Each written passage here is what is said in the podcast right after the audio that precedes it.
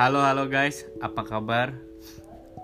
Jadi maksud dari podcast ini kenapa namanya podcast Kumaha Kita?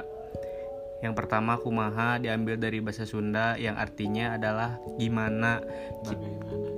kita ya kita anak-anak kontrakan yang ada di sini yang kontrak sama aku dan teman-teman. Jadi maksud podcast ini teh ya gimana kita weh? Kita mau ngobrolin apa? Kita mau ngobrolin ini, ngobrolin itu.